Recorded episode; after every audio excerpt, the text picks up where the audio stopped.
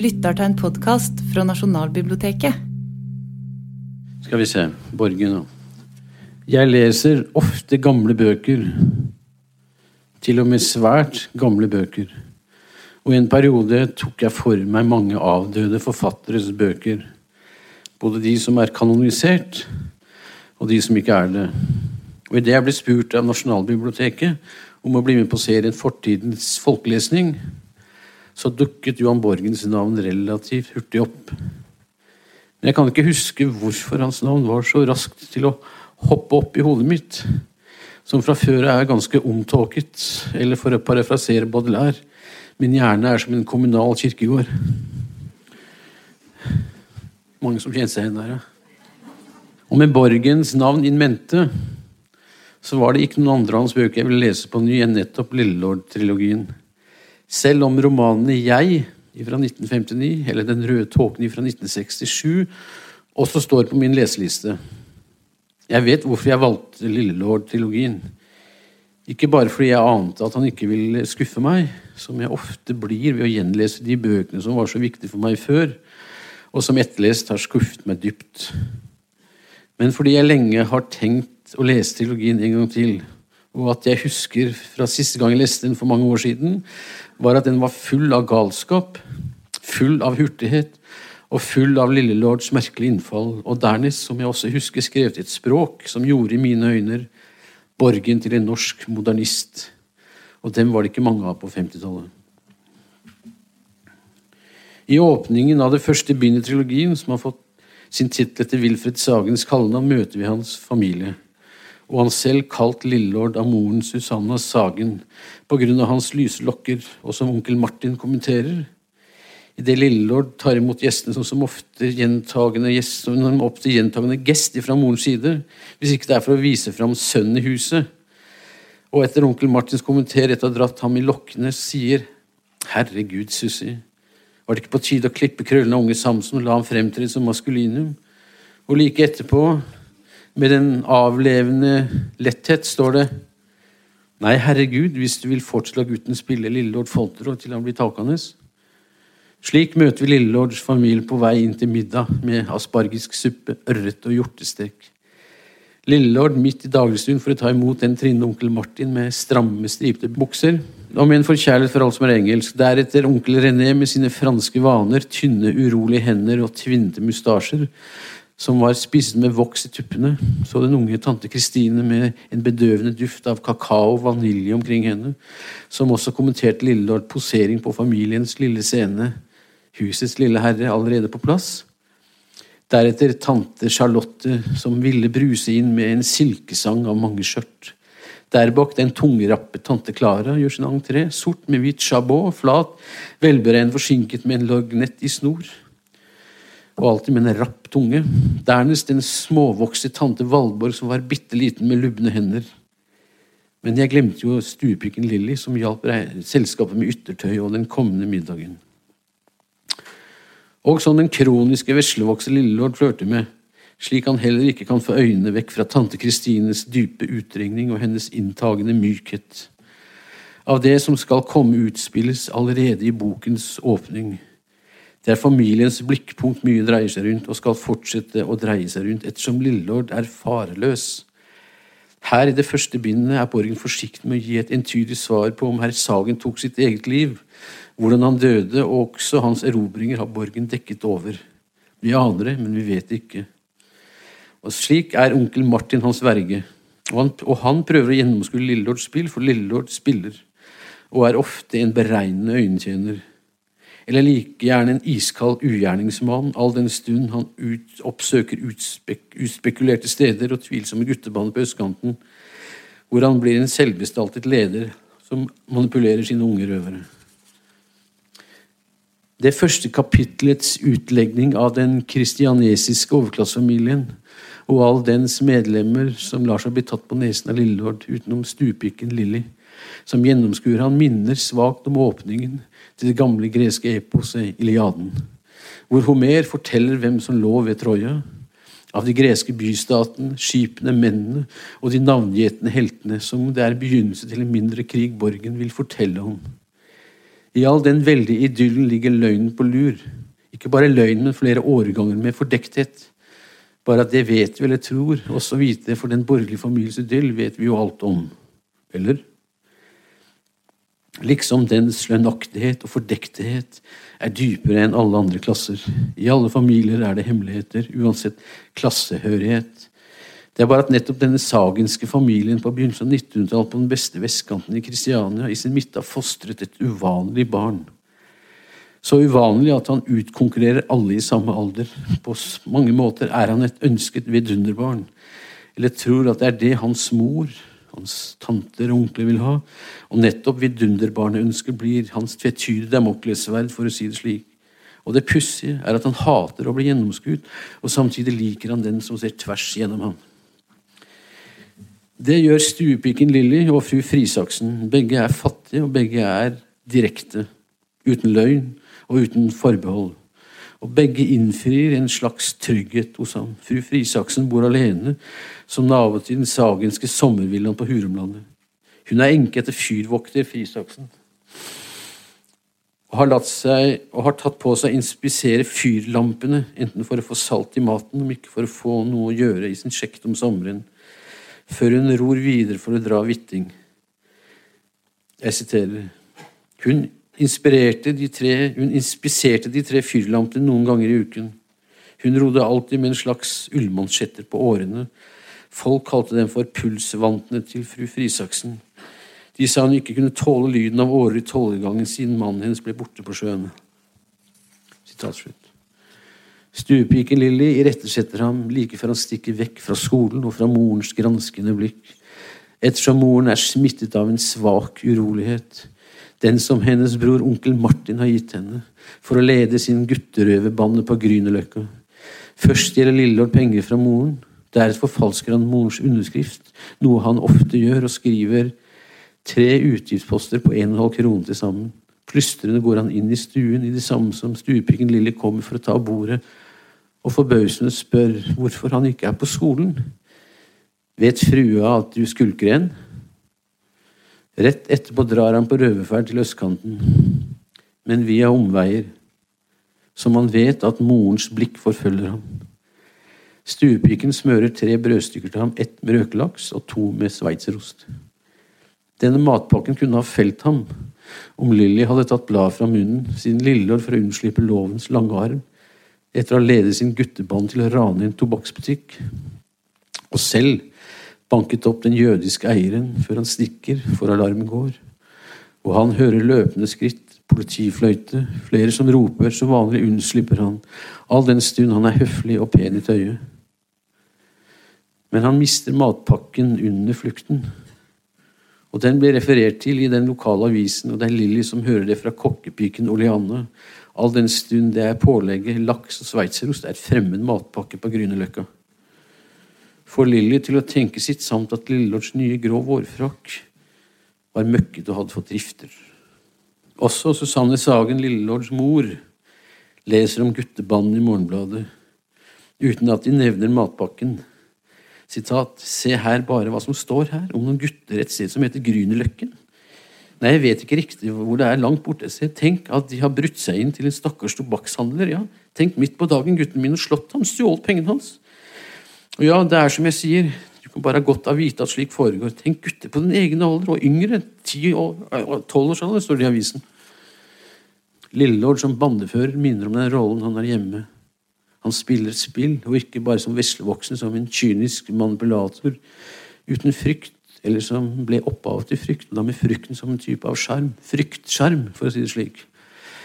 Og selvfølgelig med materielt overskudd. Han har en lykte, en elektrisk lykte, en elektrisk lommelykt som ingen av de fattige guttene har sett før. Og Det gir Lillelord det overtak han trenger. Og så innleder han dem i grupper, nesten som to militære enheter, som han kaller for adjunktene og garden. Før han, før han kommanderer dem til å gå til angrep. De først, han etterpå. Etter ugjerningen, etter flukten, blir han euforisk. Jeg siterer Påfunnene ynglet i hodet hans mens han gikk. Han vedkjente seg dem, tok dem opp og forkastet dem. Han hadde gjort noe nå, slått en stakkars gammel mann med sine egne hender. Han kjente ikke det minste streif av medfølelse eller samvittighet. En trassig godhet får han til å tenke på moren. Han vil hjelpe henne ved å hjelpe seg selv. Ved å kjøpe brevark, konvolutt og frimerke i en papirforretning i Øvre Slottsgate. Han vi forfalsket et brev fra sin lærer Signe Vollenkvarts fra frøkene Vollenkvarts privatskole til fru Susanne Sagen for å meddele at hennes sønn Wilfred gjør ypperlig fremskritt i alle skolefag og utmerker seg ved en behagelig fremtreden. De to frøknene Vollenkvarts er rådville vis-à-vis Lillehold. Han er for veloppdragen, for begavet, for utstudert, for veslevoksen. Men de ser ikke tvers gjennom han slik stuepiken Lilly og enkefru Frisaksen gjør. Dermed spiller han, og han gjør seg til, den motsatte veien ved å spille mye dummere enn han er. Og i en stikkprøve om Maria bebudelse så svarer han feil, med vilje. Samtidig kommer den andre frøken Wollenkvarts inn i klasserommet og spør om, om å få låne Lillelord til å fortelle hennes femteklassing om virveldyrenes rekke pattedyrenes klasse. Lillelord har en klassekamerat som bor i Frognerveien i en av leiegårdene. Det er denne klassekamerats far som Lillelord er opptatt av, og leiligheten eller av den lave middelklassen familiens ve og vel. Eller bare det å studere en annen familie, og så har de et piano som er ustemt. Men Lillelord briljerer, og den lille familiens mor, den lille familiens middelklassemor, blir over seg begeistret under hans manerer og høflighet. Ettersom han sier sitat, klaveret har en utmerket klang, men eh, kanskje man skulle stramme enkle strenger litt når det falt seg sånn? Og hennes blikk var blitt mørk av hemmelighet av takknemlighet over denne pusten fra en verden hvor man løy av elskverdighet. Dette er nøyaktig noe av det innerste hos Lillelord. Ikke helt selvfølgelig, med noe av det, for jeg har ennå ikke tatt for meg Lillelords voldsomme apparatur av å være i sine følelsers vold, og som Borgen virtuos lister opp for oss. Men akkurat klassekameratens mors takknemlighet over denne pust fra en verden hvor man løy av elskverdighet, er som å treffe spikerens hode med full kraft. Og det er jo en av Wilfreds mange talenter. Bare ved å gå i skole hos flere mestere, de som er professorer i lønnaktig elskverdighet, ettersom det er mange å ta av. Lillelord innerste rom er lukket, men borgen lirker opp døren. Og det er barndommens fryktsomhet som avdekkes. Om sommeren på Hurumlandet, ettersom Lillelord som femåring er redd for alt. Han er mørkredd, han har vannskrekk, og han blir ertet, det som nå heter å bli mobbet, av sine eldre fettere. Som den verdensvankede onkel Martins infame, veloppdradde yngel. Og med Lillelords blekne tegn og hans lange krøller blir han døpt for mammagutten. Så skjer det ulykksalige at han kumbader med sin mor, noe som fetterne oppdager inne på det gnistende badehuset, og får dem til å brøle av latter. For ikke å snakke om tordenvær. Lillelord studerer alle trekk i naturen for å avlese det kommende trykket. Jeg siterer.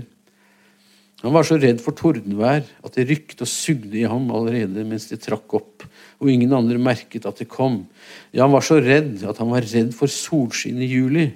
For en gang hadde noen sagt for en gang hadde noen sagt at solen og heten gjorde luften ladet, og på den måten ble selve godgjæret roten til redselen skulle komme. Derfor ble han redd for solen. Men Lillelord skammer seg, og etter å ha lest høyt fra en avis, siden hans mor skal vise hvor flink han er som femåring til å lese, med den verdensvante anglofile onkel Martin og hans to veloppdragne yngel som tilhørere, leser Lillelord feil. I stedet for å lese ned den ene avisspalten, leser han begge avisspaltene samtidig. Noe som onkel Martin bemerker. Det var da en merkverdig sammensurium gutten leser. Da kom latteren fra de to fetterne så mye at han etter denne siste latterkulen het av skam og i det skjulte påfører seg selv skade ved å knuse ytterste leddet på en venstrehånds ringfinger med en stein som om en høyre hånd slo med all kraft. Så bestemmer han seg for å trosse mørkeredsel, vannskrekk, torden eller det å hoppe på ski, som han hater, og som de ekle fetterne kunne. De kunne hoppe ned den ene hoppbakken etter den andre mens Lillelord, før han trosset resten for at hoppet med hjertet i halsen, falt så lang han var. Inntil han trosser det for å bli den beste i vannet, i mørket, i hoppbakken. Han er redd, men han gjør seg uredd så mye.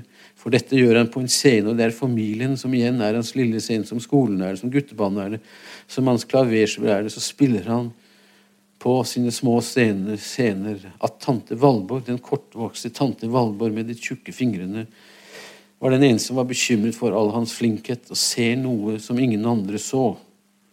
Sitat, Jeg tror Lillelord tvinger seg til det, han sliter seg ut for oss.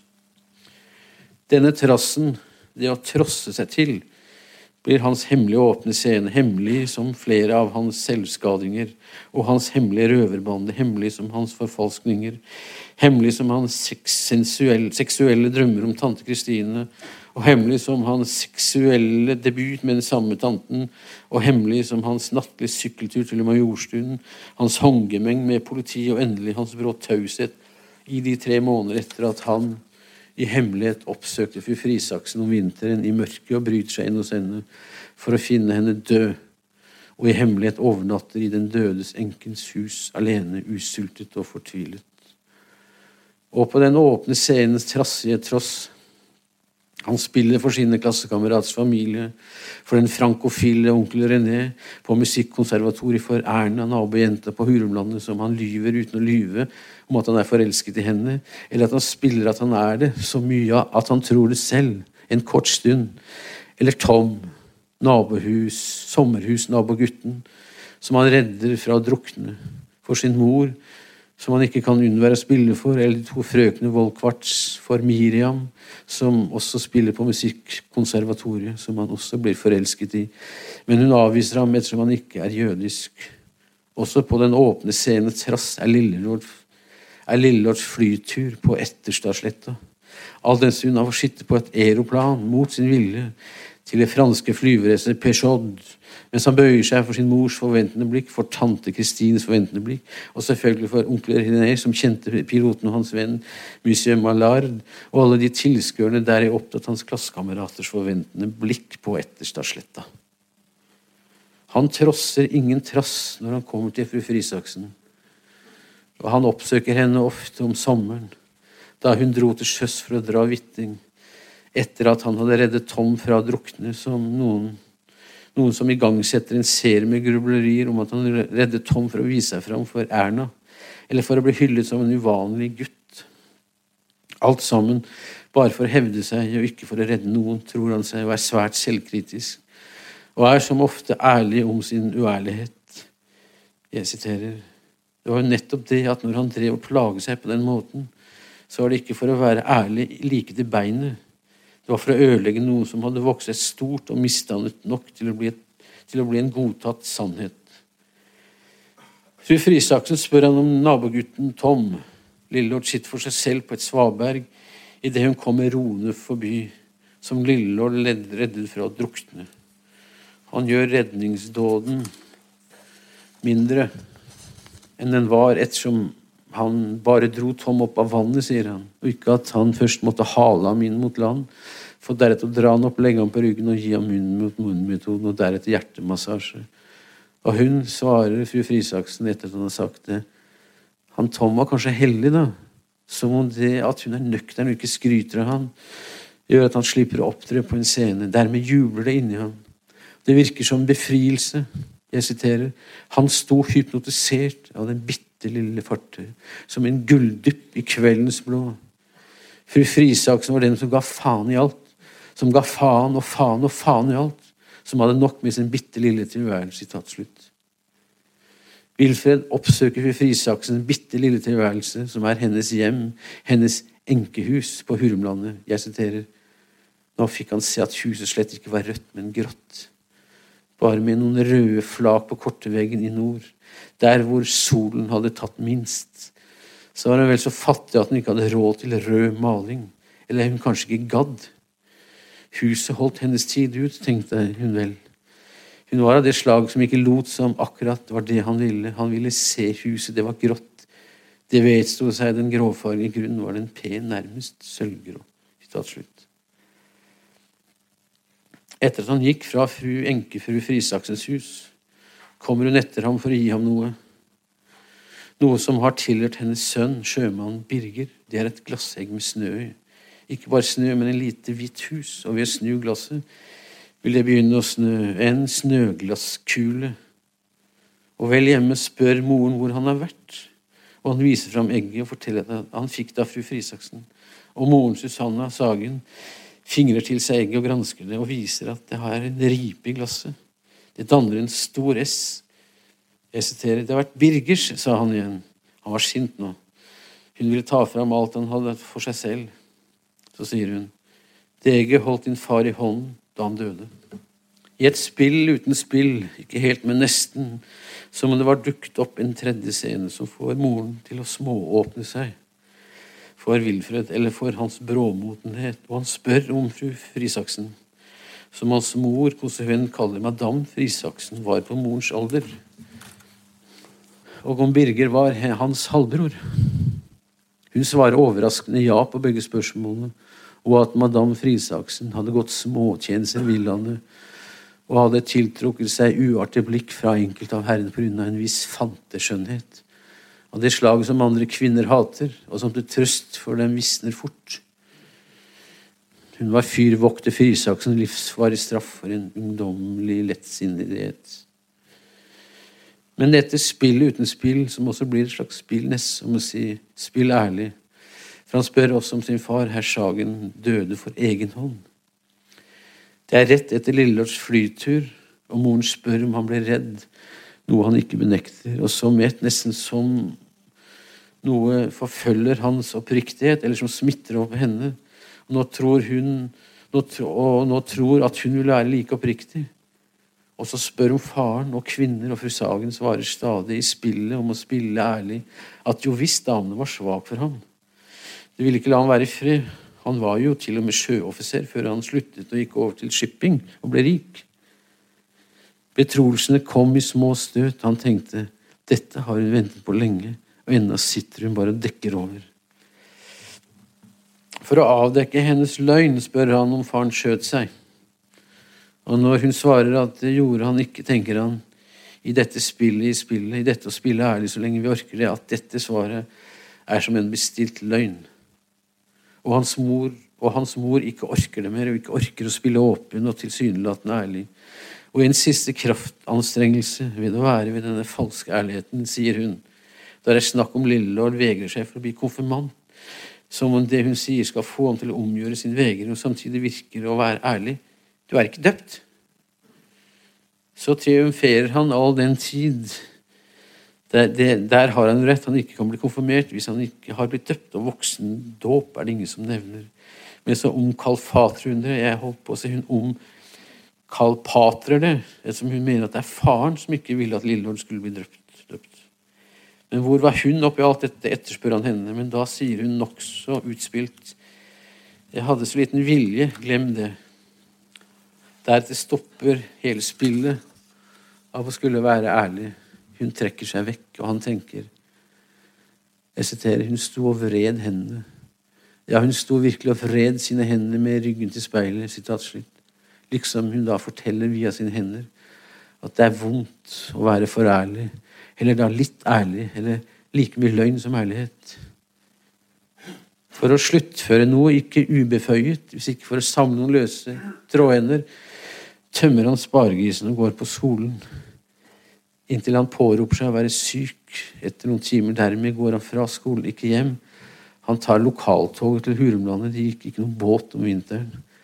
Han drar for å oppsøke fru Frisaksen, men det snør, og han må kjempe seg fram til den døren som hans far sitat, måtte ha bukket seg ganske meget da i den stive snippen. Men kanskje han ikke hadde snipp da, kanskje han ikke hadde noe videre av all sin verdighet. Sitat slutt. Han banker på flere ganger. Det snør, han snør ned. Mens han dundrer på døren, ingen svarer, og han prøver dørhåndtaket. Døren er ulåst. Han føyser vekk snøen og går inn.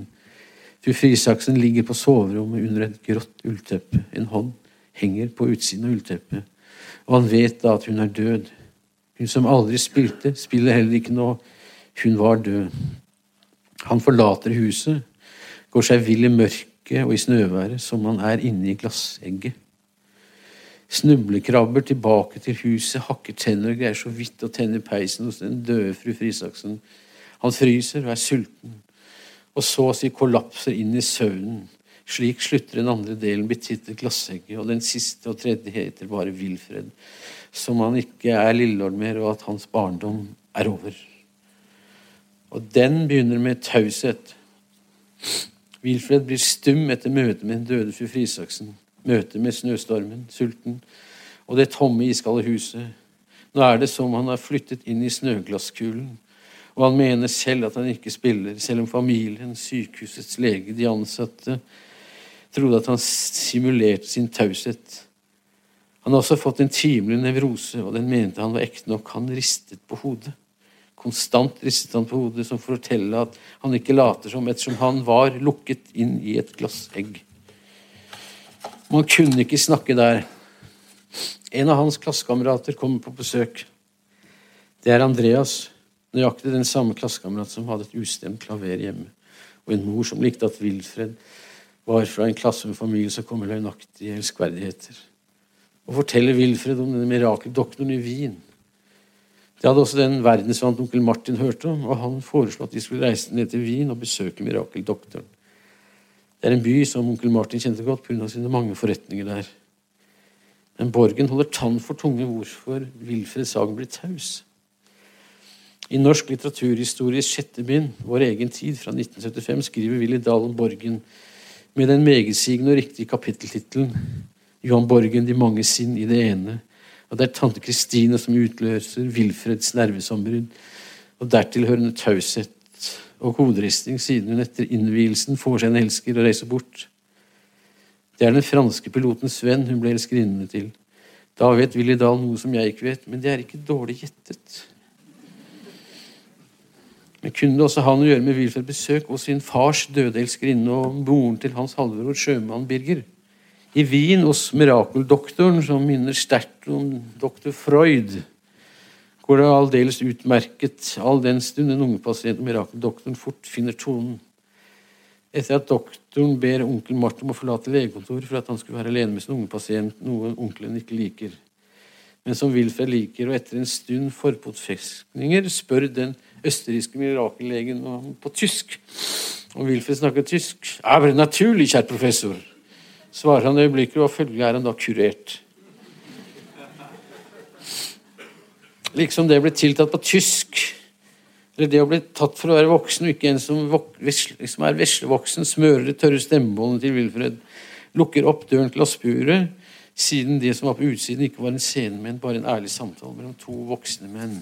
Og så ender det med at mirakeldoktorens pasient spiller klaver for den østerrikske mirakeldoktoren. Han har selvfølgelig et klaver på legekontoret.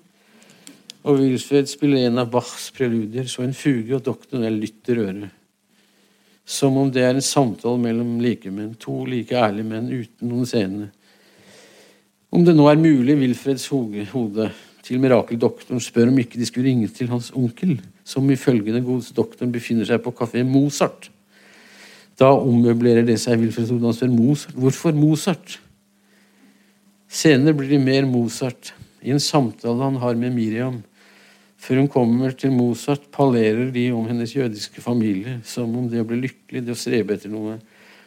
Og hun, og hun syns Wilfred virker mutt og tverr. Han spør, jeg siterer, er de glade for det å bli lykkeligere? Hun repliserer, hvorfor gjør du deg mørk inni? Og han svarer at han ikke kan fatte hvorfor alle skal være så lykkelige. Og hun sier, nei vel, din Mozart var jo ikke lykkelig. Så svarer han, tror du ikke det? Jeg tror han gjorde et nummer ut av det. Som du, sa hun hissig. Akkurat som det du gjør. Går og slikker sårene dine. Det er det du gjør. Han sa trassig. Jeg vet det, men jeg blir ikke glad av det. Ja, men det er det du heller vil. Men det, ja, men det vil du heller ikke. Ingen selvbebreidelse. Ingen selvbebreidende mennesker blir glade. De vil sette for mye over styr, da. Det er akkurat det du sier, avsluttet hun, før han ble plump. Eller svært ærlig. Hvis ikke det også er et nytt spill. Miriam, sa han, jeg tror jeg elsker deg. Da blir han avvist. Og hun forteller at hun ikke kan gifte seg med han siden han ikke er jødisk. Og så sier hun noe underlig. Jeg siterer, jeg vil aldri la meg få lov til å elske andre enn den jeg, jeg gifter meg med. Hva kan hun mene med det? Som ikke er en lov knesett av hennes far, hennes mor, eller hennes onkel og tante eller hennes jødiske menighet, men av henne selv. Det er hennes lov i hennes eget liv, og i kontrast til hans krasse avvisning av sin familie. Han fatter ikke at hun kan være så lojal, til og med så egenlojal. Etter å ha blitt avvist tenker han at, kanskje, at han kanskje elsker henne. Bare kanskje. Så man garderer seg slik han ofte gjør. Og idet de går fra hverandre, er noe ugjenkallelig over, og det virker som om noe mørk siger i ham. Bokens sorti er vill og svart. Det er en type omfattende selvskading, ettersom han drikker seg full og kommer i selskap med noen tvilsomme typer.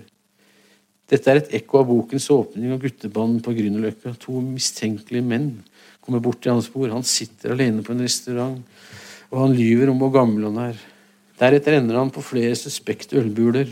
Det er der han møter de to tvetydige typene. Jeg siterer Det kom to karer.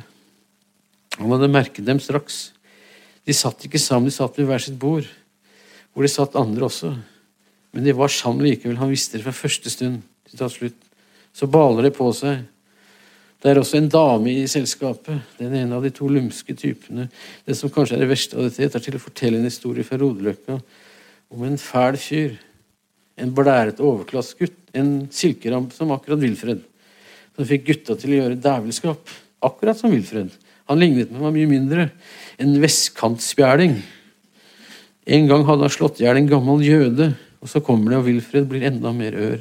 Søskenbarnet hans Nei, det var visst dattera til broren, som også var jøde. Han hadde gjort det godt, den stakkaren. Hun kom der oppe og spilte fjell for dem på lokalet på Dælinga. Guds engel var fra jødeland Miriam heta. Sånn var det på Rodeløkka. Han våkner på Ekebergåsen halv ti søndag formiddag omtåken med brukket arm. Han våkner og er naken og blir oppdaget av turgåere. Og De roper etter politi, og han er nesten i samme konstitusjon som han var hos den dødfru Frisaksen, som om også dette er et sambrudd. Hvis så, så hvorfor? Er det pga. Miriams avslag, eller både tante Kristine, Miriams avslag? Igjen er Borgen taus, overlater det til vår usikkerhet, vår nøling, eller for at vi skal fatte den ekstreme sårbarheten i Wilfred, og at det er steder inni ham som er lukket for innsyn, eller som Borgen lar være å åpne, eller åpner så mye at vi aner noe i mørket. De mørke kilder, som er den andre boken i trilogien, begynner med en beskrivelse av hovmester Valdemar Mathisen kalt Kalkunen. Og av det establishementet som han styrer over, om ikke det er omvendt, at de styrer ham, alle de hendene som holder i dette rattet, var hender som var en del av et grådighetsspill, hvor store sedler raskt skiftet eiere eller like gjerne hvor aksjer skiftet eiere, ettersom det var et spill om kjøp og salg. Alle de som hovmester Valdemar Mathisen kalt kalkunen, måtte holde et øye med i dette frenetiske iver etter å bruke penger, var, det som den gangen, var, var, det, var de som den gangen gikk under betegnelsen jobbere. Her frekventerer også Lillelord, nå under navnet Wilfred, hvor i et avlukke, eller mer en kabinett, den såkalte slummen, blant innvidde. Jeg siterer Det var tilholdssted for de ganske unge jobbere som gikk med laksko om formiddagen og var grepet på ferske gjerning og drikke rødvin til hummer. Om hele establishementet var preget av de nye rike, disse fornedrelsenes dager, så var slummen behersket av det yt aller ytterst nyrike, nyeste rike. De som måtte leve opp til sin rikdom hvert eneste øyeblikk for å bevise, enda trodde de ikke riktig på den men måtte ustanselig søke bekreftelse i et sjenerøst champagneforbruk og en uopphøvelig fornyelse av selve de sedler som ga det fiktive beviset for varige verdier. Dette er bokens opptakt, og de ringer i vannet det brer seg utover boken, og dermed det andre kapitlets bindets tittel, De mørke kilder. Det hele utspiller seg under første verdenskrig, og det er mange raske penger involvert, og en annen utgave av Wilfred Sagen, han har nå sluttet på skolen og flyttet på hybel, eller som er mer et atelier enn en hybel, godt hjulpet av sin frankofile onkel René, for å spille et annet spill, om ikke for å prøve et annet spill, som maler, som billedkunstner. Og det er Wilfred Sagens store akilleshæl. Han har for mange talenter. Utover i boken, som også er dennes ringer, kryr det av alle, av alle mulighetene han har til å bli maler, oversett, forfatter eller mer og mer er det han ønsker å spille seg til å bli. Det blir han. For ikke å si rundbrenner. Som det er to motpoler han hele tiden retter seg mot. Hans mor og hans fraværende far. Som da blir en rar dialektikk om det å være en totalt rundbrenner. Den som brenner sitt talent i begge hender. Han er sammen med Celine. Hun heter ikke det, og som det står svært kynisk, for også det skal underbyrge de mørke kildene, at de, han og hans ranglekamerat Robert plukket henne opp. Og av alle steder på en tilsetning for torpederte sjøfolks etterlatte. Og disse forherdede ranglepavene hadde raskt kalt henne for Celine etter en reproduksjon av, den, av denne Robert Eide. Det var altså en viss likhet med en av Manets modeller, der hun satt med redde dåderøyne bak en kransekake og heklet duk, valgt ut blant de krigsrammede fordi hun hadde en fetter som forsvant på havet. Wilfred sammenligner Celine med Kaspar Hauser. Ja, han til og med kaller henne for den nye Kaspar Hauser. Han var jo som alle vet en fremmed ung mann som dukket opp fra ingen steder i Nunberg i våren 1828. Kunne ikke gjøre rede for noe. Det sies han hadde blitt holdt fange i kjelleren og kunne verken gå eller snakke. Dette ble det film av i 1974 og i regi av Werner Herzog. Så fremmed er ikke Celine, men Wilfred har vanskelig med å fatte henne ut, ettersom hun virker å være forsiktig med å mene noe som helst. Hun er ofte taus og spiller kanskje et annet spill enn det han spiller. Hvis hun ikke spiller nøyaktig det samme, det virker interesseløst, for å si det med Kant. Et sted får Celine ham til å tenke på fru Frisaksen. Hun som hadde hytte på Hurumlandet, og som, han, som hadde vært hans fars elskerinne og moren til hans halvbror Birger. Og som ikke spilte, og som ikke gjorde seg til, og som ga blaffen. Hvis da Celine ikke visste det, eller at hun var uoppdaget av seg selv, som det står hva kan Borgen mene med det? Uoppdaget av seg selv. At hun ikke har vært der i sine tanker om å være uærlig i sitt spill, eller som Wilfred tenkte et annet sted, i en annen situasjon, med samme tema som løper gjennom dette bindet også. Jeg siterer Han utsatte alt ubehagelig med en teknikk som sjelden svikt, fordi han var fullkomment ærlig i dette og kunne innrømme sin uærlighet. Wilfred jobber ikke, men hans tvilsomme omgangskrets, som onkel Martin kaller dem, og som han vet oppholdt seg i slummen, jobber. Og hans venn Robert er innehaver av, eller som han eier inntil videre. Det er alltid inntil videre før noen andre bytter til seg ved å bytte hotell mot skip, eller hurtigselge noe som ikke flyter, mot noe som stadig vekk holder seg flytende. Flere pølsevogner. Det er Robert INA. Innehaver av pølsevogner, hoteller, seilskuter og en racerbåt. Det vil si, den eier han sammen med to andre tvilsomme kanalier. Og denne racerbåten står til Wilfreds disposisjon. Det er snarere slik at Robert og hans likemenn vil at Wilfred tar den ut på en tur, for deretter ankre den opp på et ukjent sted. Og på vei dit sammen med Celine tar de en svipptur innom Hulelandet og besøker den tomme hytta til for Frisaksen, der hvor, hun, der hvor han fikk et sambrudd om vinteren, mens fru Frisaksen lå død i sengekammeret. Fotografiet av hans halvbror, sjømann Birger, henger stadig vekk på hytteveggen. Og hun sier at hun vet hvem han er, og hva han holder på med. Da blir Wilfred full av tvil. Men hun insisterer på at hun vet hvem Birger er, og at han driver en av pølsevognene til Robert. Og Det tar til å ise inn Wilfred, og han tenker på Robert og hans mangfoldige, obskure investeringer sitat, så spredde og i så mange lag, hvor skulle det ikke være sant at der var det et levende vesen som en Birger, og var hans halvbror, og at dette vesenet ferdes omkring i hans egne baner eller like ved. Etter racerbåtturen og flere omganger med kalkun, slummen, dertil som revyartist på Maxim i basarhallene, enda en av Wilfreds mange talenter, reiser han og Celine samt Robert og noen av hans vennekrets opp til Roberts hotell i Hallingdal. En av Roberts tvilsomme kjennskaper, en pianist som gikk under kunstnernavnet Lucas, påstår at han kjente Miriam. Og det sjokkerte Wilfred. Miriam var den han kanskje kunne ha elsket ærlig om han hadde fått henne, men hun kunne ikke bli hans ettersom hun ikke var, hun ikke var uoppdaget av seg selv, for å si det Borgen, eller at hun, hennes familie, hennes slekt, et eller annet som bestemte at hun ikke kunne gifte seg med å elske en mann av jødisk at hun bare kunne gifte seg med å elske en mann av jødisk opphav. Alt ved Miriam tenker Wilfred, mens sjokket bølger gjennom kroppen hans er sant eller virker å være ærlig. Alt dette skinner inni ham, som om hennes ærlighet, hennes musikalitet, hennes alvor og hennes jødiske egenart drar ham mot det som ikke spiller inn i ham. Det som er uten noen scene. Uten at han viser seg frem, og som ikke leker med det som er Wilfreds mørke sider.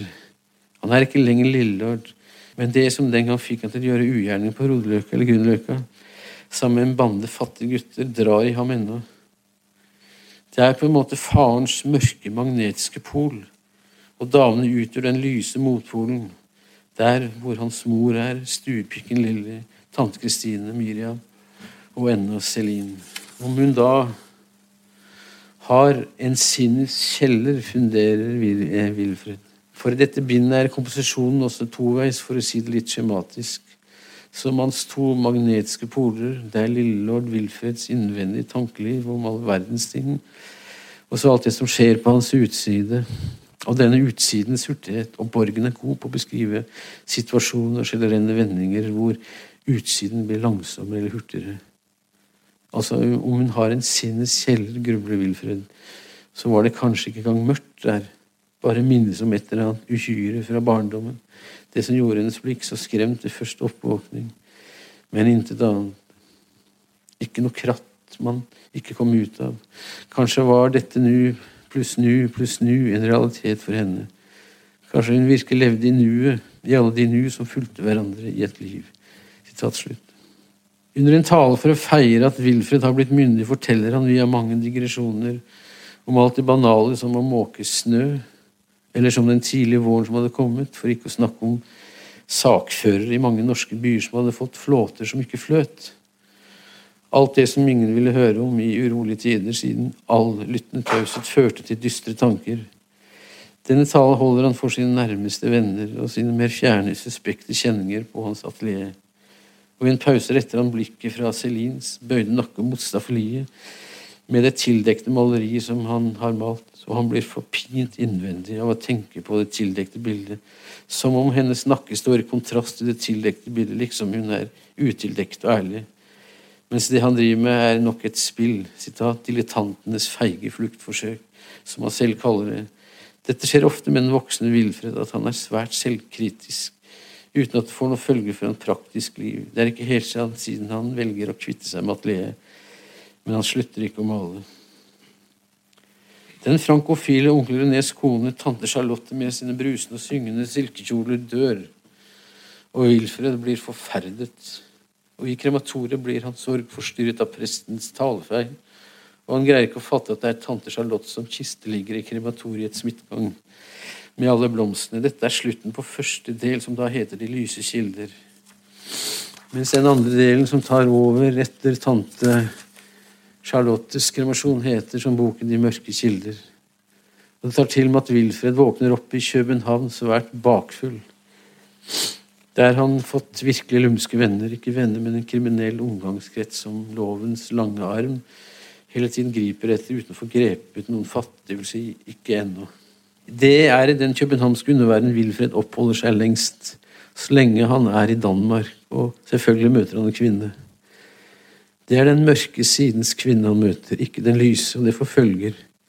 Det er også jobbetid i det danske kongeriket. Også her blir raske penger, som det het, forflyttet via rastløse hender. Og den damen Wilfred faller for, på den mørke siden, er det også mørk og hemmelighetsfull med dyp stemme og heter Adele. Og han tenker at hun kunne vært en av disse ferme skjønnhetene fra de norske daler. Som hun kunne vært i slekt med norske huldrer, eller var en dansk utgave av den samme typen. Det er litt utklart både for ham og for leseren om hva som skjedde under overfarten til Danmark. Men det har noe å gjøre med at hans venn Robert, og at han hadde byttet bort båten som fikk dem over Skagerrak. Om båten var byttet bort, så var vel Celine byttet bort også. Han husker ikke eller hans alkoholomtåkte hode greier ikke å huske klart, og det å være uklar, omtåkt, beruset blir mye av hans omgangsform i København, og han bruker mye penger. Vi vet ikke hvor de kommer fra. Fra hans familie eller Roberts pussige, omseggripende investering vi så, så skylder han mange penger. Men også det tilhører tåkeheimen, og den er tykk i Wilfreds København. Men Adele er omringet av bare én mann, selv om han også er en bandefører, og det er, og det er av den storvokste typen. Denne mannen er hennes gorilla eller vekter. Det er Egon. Og han er alltid på pletten. Og den grublende Wilfred vier det ikke en tankegang at denne storvokste Grobrand er en konkurrent og en farlig banditt. Og at han bare har ett fokus, det burde Wilfred ha skjønt. Og det er Adele. Derfor er Wilfred i veien. Ikke ennå, men i det øyeblikket alt faller sammen og Wilfred igjen kommer på rømmen. Men før det, før det hele bryter sammen, begynner han å male og Adele for Egon til å rydde et rom i en kjeller under et lugubert sted som heter Nordpolen. Som hun driver, hvor de ulike typene møtes for å spille og for å drikke smuglersprit og for å drukne alle dagenes ustoppelige problemer med gjeld, regninger, mer gjeld, flere regninger og gjeld i det uendelige. Om ikke for å bli gjeldfri, så visst ikke, men for å få penger, fingrer i penger i mange penger, begynner Wilfred å spille på Nordpolen. Og før politiet gjør en razzia i dette kummerlige stedet, vinner han mye, og idet politiet larmer inn og lyset går, så tar han alle pengene han har vunnet, og stikker seg vekk under bordet. Og i mørket greier han å forsvinne med alle pengene, men det er mer, ikke bare penger, men et overgitt barn. Og et skap fullt av kort, kort med navnene på alle de prominente gjestene. Det københavnske sjiktet av prominente.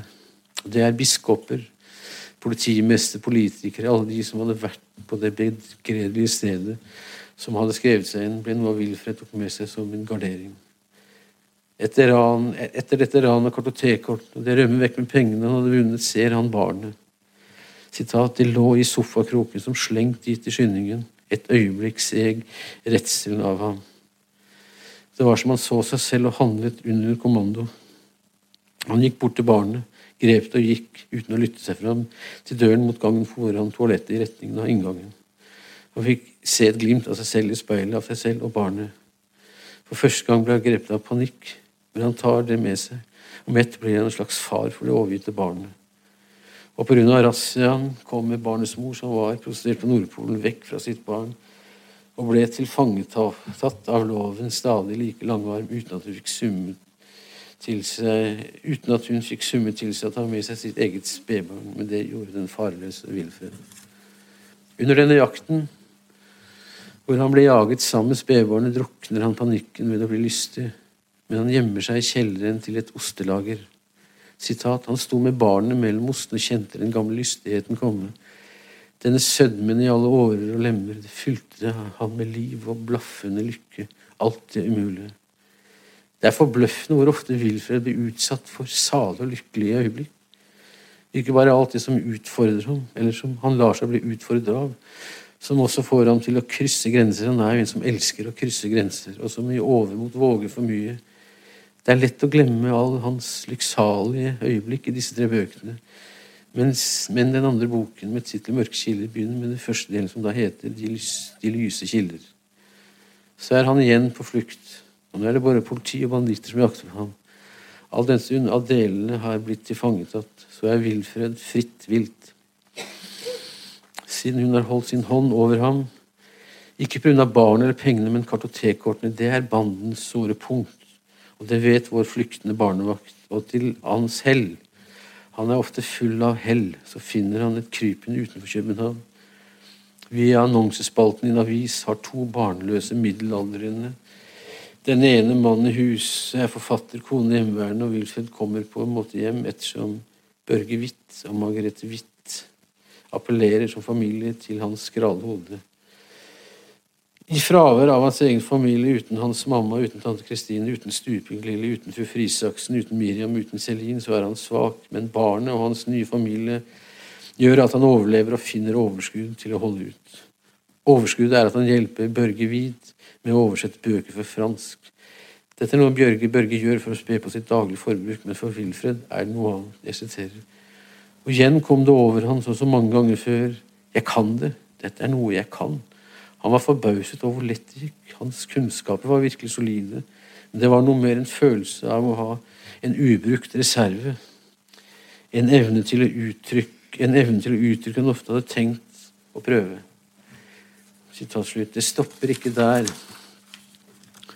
Han vil med ett skrive og prøve seg som forfatter.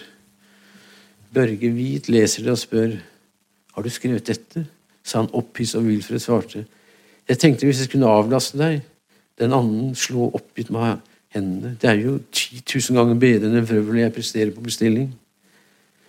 Etter at han rømmer København, og til utkanten, som da er litt utenfor København, hvor familien Wied bor, hører han rykter om at flere er ute etter ham.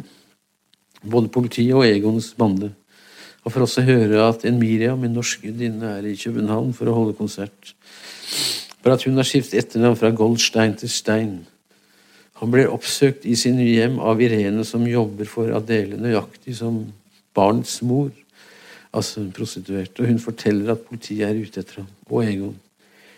Ikke pga. pengene, det er kortene, medlemskortene de er ute etter. Både lovens korte og lange arm og Grobian Egon. Og Irene sier at hun vil hjelpe ham, og spør hvor kortene er, og Wilfred tegner forklarer hvordan han har gjemt noen av dem. Wilfred planlegger å reise tilbake til København for å finne de pengene han har skjult, og kortene. De av dem som han ikke har fortalt til Irene hvor, hvor var gjemt, før han pakker sakene sine og reiser som han vil sluttføre noe og deretter reise til Norge. Før det, idet han bøyer seg over barnevognen og løfter opp barnet, så kommer et langt kapittel om den gangen faren gjorde det samme med Wilfred. Familien var på tur i det grønne, og faren løfter en unge Lillord opp, kaster han opp i luften for så griper han på vei ned. Det er som et tidlig minne, også noe drømmeaktig. Hele scenen handler om far og sønn. Moren er taus, eller satt på sidelinjen. Faren vasser ut i et tjern, og Lillelørd kommer nølende etter. Etterpå var det noen i selskap, de står ikke hvem, som spør Hvor i all verden har dere vært? Badet i tjernet? Lillelørd også? Forferd, hvorfor ikke? Mannen satte ned på huk igjen. Bade med far? Gutten nikket. Hva er det han sier, at han har badet med far? Herregud, gutten sier mor 500 ganger om dagen. Før han rømmer, uten bagasje, uten en ryggsekk, ingenting, gir han barnet til det barnløse paret og forteller at barnets mor er død, og at han må reise bort. Han reiste til København for å hente sine penger, for å finne kortene før han finner kortene. For om han finner kortene, så kan han bruke dem som et byttemiddel. Hele denne episoden er full av fart og spenning. Og Borgen er god til å beskrive hurtighet og lar alle Wilfreds ytre inntrykk vokse. Og Wilfred er god til å observere samtidig som tankene hans løper av sted. Alle hans sanser spisser seg til, og han lytter og føler at noen er ute etter ham.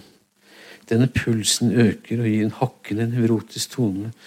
Og der går Borgen mange krimforfattere en høy gang. Jeg siterer. Han kom ut på Frueplats og kjente selve området som en truentommel i seg. Ta-ta-ta-tam Det er Skjebnesymfonien han siterer. Ta-ta-ta-tam Nå veltet de lydløse toner inni ham som en makt full av dom og død. Satan for Satan. Man kunne mane disse tonene inn i evig stumme da-da-da-dam. Isteden vokste de ham i en tyngde som var tusen trommer, og den nervøse fortsettelse og meddelelse etter føttene så de satt i ufrivillig småløp. slutt. Før han motvillig gir fra seg kortene til banditten, ble Wilfred gjenkjent og faller i et bakholdsangrep. Sitat. Han kjente et lett slag på skulderen og snurret rundt som en topp. Egon sto foran ham, mørk og ruvende. Det sleske smilet under de tunge hårlokkene hadde mistet all sin servile glans. Sitat slutt. Men Egon er ikke alene. Det er tre av dem, og de går på ham med knyttende never og spør ham hvor han har gjemt kortene. Pengene som Wilfred hadde funnet igjen, rapper de fra ham. Kortene har han ikke hendt. Med vilje har han ikke hendt dem. Og når de spør etter å ha slått ham så mye at han ikke greier å stå Kortene Han prøver å samle munnen til ord. Det var bare en, grøt, bare en grøtet stønn. Han fikk et slag over ansiktet med flat hånd. Så fikk han samling på munnen. Samme sted, mumlet han. De lar ham gå, og svært forslett, forslått i halsrymme. Etter å ha kommet over mange oppklistrede plakater rundt omkring i København om en konsert med Miriam Stein, greier han mirakuløst å finne fram til kunstnerinngangen til det stedet hvor hun skal spille. Det blir nesten som opp en trapp, inn en dør, så til høyre, dernest til venstre, opp en trapp til. Det er bortimot ikke til å tro at han greier det. Og Som ofte er det en kvinne som redder ham, eller som tar seg av ham. Ved hjelp av stedets pedell, en gnom av en pedell. Men han blir smuget inn i en bil for ikke å glemme at Miriam kontakter Børge Hvitt, og sammen fikk de om bord i en båt. Det står ikke hvem sin båt det var, eller hvordan han kom seg hjem. Den tredje og siste delen heter Den ene. Det begynner med en beskrivelse av den københavnske underverdenen. Om typer som Sleske Egon med, mus med mer muskler enn hjerne, men som politiet ikke greier å få has på. Sitat. Han er en av disse ulne eksistenser, skriver Borgen, som streifer om i natten, hvor man aner alt og intet vet. Mens den som muskelbunten elsker alt i sin kortforstand, sitter bak lås og slå. Av deler som bare har plass til én, seg selv, og passer på å komme godt overens med sine medfangere og de som hun har kontakt med utenfor kasjotten, ettersom det vil komme en dag, jeg holdt på å si en natt, da hun slipper ut, eller som Borgen tørt kommenterer denne underlige underverden, om ikke verden i seg selv. Man kan ikke la studenter og ignoranter gripe tøylene i verden, det må gjøres Det, det må de gjøre som kan gripe. Hva da med vår helt, den store dilettanten Wilfred Sagen? Hvor har han tatt veien, hvis han da ikke er hjemme på beste vestkant på Drammensveien? Det er han. Han er hjemme hos mor, hvor han maler på gutterommet. Og hans onkel René, som nettopp har kommet tilbake fra Paris etter sin kones død, tante Charlotte med de syngende silkeskjørtene, hjelper Wilfred med en utstilling.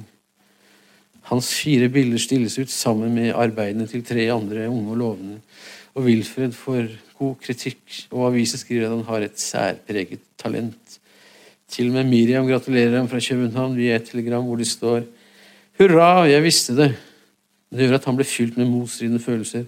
Hva var det hun visste? Samme dag hadde de skrevet i avisen at bildene hans var preget av en viss uferdighet. Var det det hun visste? Hans ene maleri er av faren, mannen med sigaren, siden Wilfred husker ham med sigar. Og lukten av farens sigar. De andre tre bildene fikk han solgt, igjen takket være onkel René.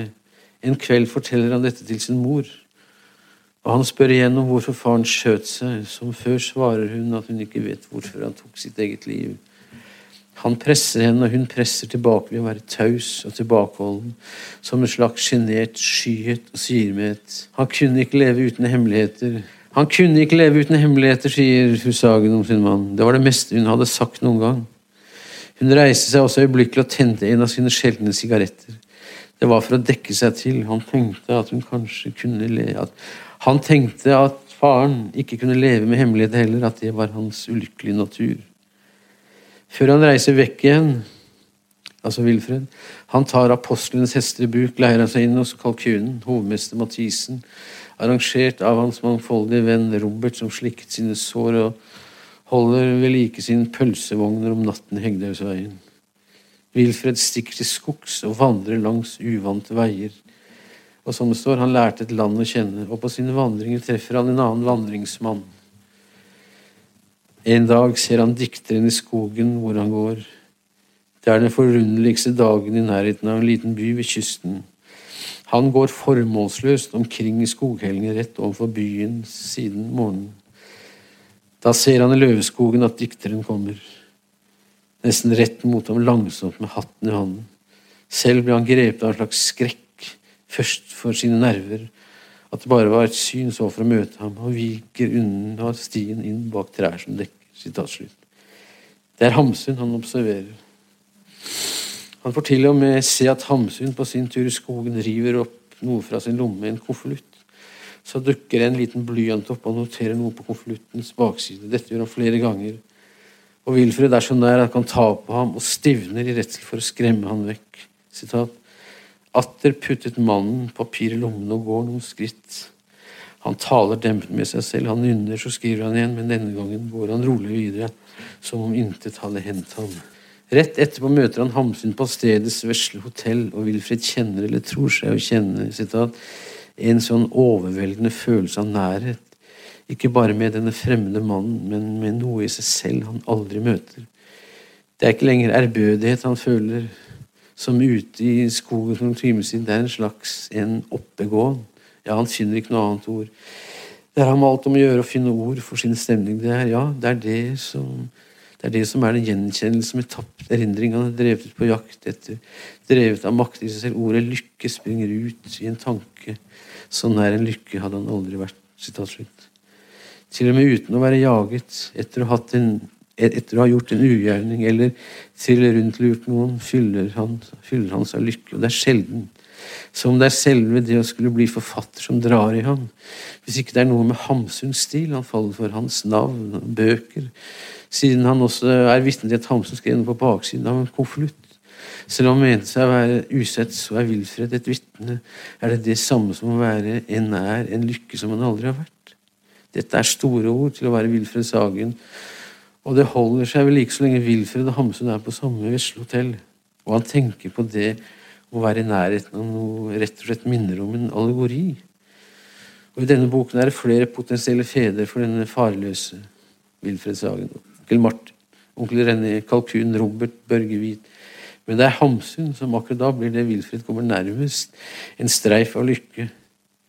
For det som vanlig forsvinner, det forsvinner i øyeblikket Hamsun forlater hotellet.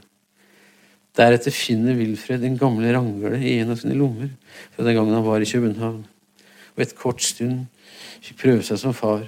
Hamsun drar en penn, en blyant, opp av lommen. Wilfred, den gamle ragle. Som om det skulle fortelle noe at Hamsun fortsatt er forfatter, og at Wilfred er surret fast til sin forhistorie. Verken som billedkunstner, oversetter, skurk eller fatter. Bare koblet til sin forhistorie, og ennå er den ikke over. Men så kommer opprinnelsen til raglen, og det virker å komme brått på Wilfred. Sitat, Nå slår det ham også at det måtte vært en grunn til å dro ut i seilbåten den morgenen i København. At han hadde funnet ut at det var redsel for å søke et losji fordi han var forfulgt. Men det var for å bli kvitt barnet. Det vet han, og det var for å drukne barnet. Dette barnet som han tok vare på etter at moren ble tatt av politiet som han senere ga til barnløse danske ekteparet Wied. Alt den stund moren døde, ville han drukne. Rett etter at Wilfred har fått tonen av det fortrinnelige i seg, som en streng og noe velkjent fremmede, så kommer det antipodiske som han kjenner utviden. Han kan ikke være lys, han må ned i mørket, siden det er det mørket som er hans sted. Eller som han vil skal være det, og akkurat der spiller han våpenkort. Han spiller uten å spille. Hvor er han på vei, som det står om en oppegåen? Og han vet hva han er drevet ut på jakt etter. For første gang på lenge kjenner han at så nær lykken har han aldri vært. Er det det han jakter på? Det kan da ikke være ettersom det slipper fra ham idet Hamsun forlater det vesle hotellet. Da slipper denne følelsen av oppegående fra ham, men han fortsetter å være skoggangsmann. Og vet ennå ikke hva han er ute etter. Kanskje han ikke vet det selv. Han går og ankommer den tungerappe tante Klaras sted, i en dal hvor hun hadde slått seg ned med sin pensjon, den standhaftige tante Klara med den askegrå tungen, som aldri hvilte, som nektet å snakke tysk i verden, som gikk hennes oppfatninger imot. Det var derfor hun hadde reist fra Kristian til denne bygden. Og hun levde av å undervise barna til en byggmester og lese med barna i bygden, og i Wilfred øynene var hun en av dem som ikke gjorde seg til, og var direkte og ærlig som fru Frisaksen og stuepiken Lilly. En kveld spør han tante Klara om sin halvbror Birger. Og hun som ikke vil holde tann for tunge, forteller at hans far hadde sørget for at Birger ikke gikk sulten til sengs, og på en slik pen og borgerlig måte at hans mor Susanne gikk stille i dørene. Wilfred stør mer om faren. Tante Klara kommer med en forklaring på hans far, og sammenligner han med de russiske babusjkaene. Tre stykker bestemødre av tre, den ene mindre enn den andre, felt inn i hverandre. Sitat bare at det som var inne hos ham, ja, det var liksom større enn det som var utenpå. Større og større for hvert lag. Sitat slutt. Jeg vet ikke om han ble klokere av tante Klares babusjka-analogi. Han drar videre med apostelens hester og omkommer Roberts hotell, som Robert ikke eier lenger. Det hadde, sikkert, det hadde sikkert skiftet eier mange ganger. Ikke bare skiftet eier, også navnet nytt. Nå heter Valhall.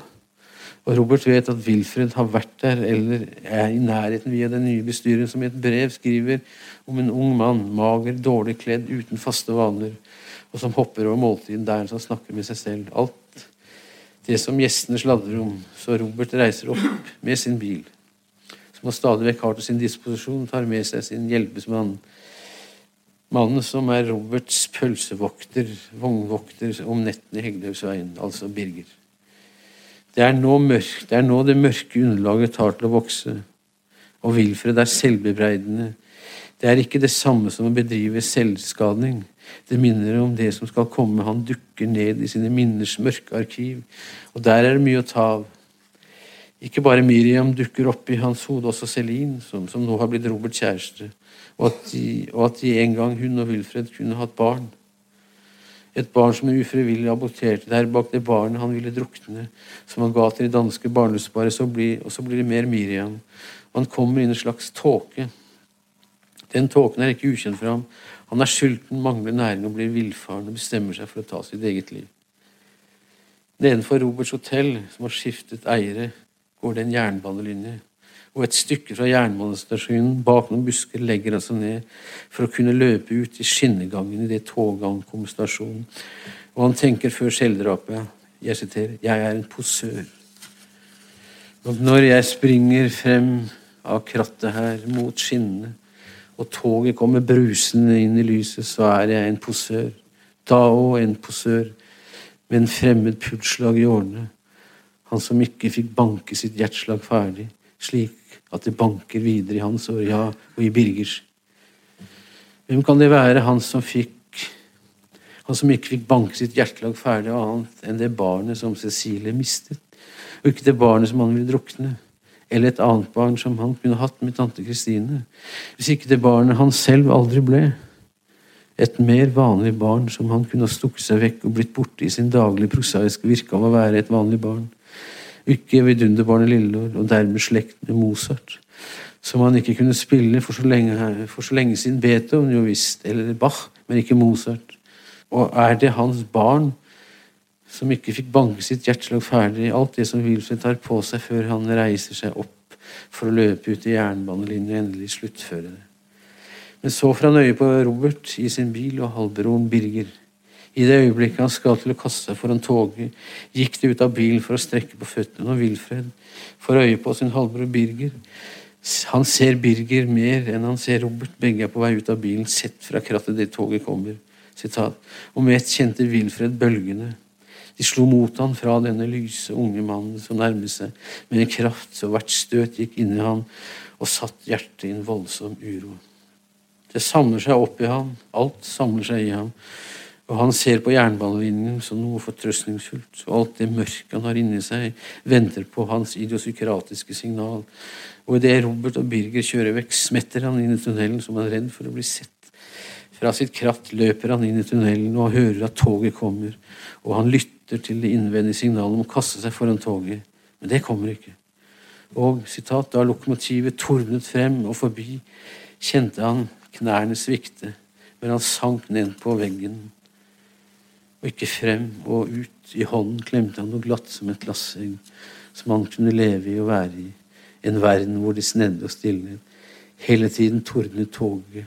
Kald luftning ilte gjennom hulingen. Jeg tar en pause.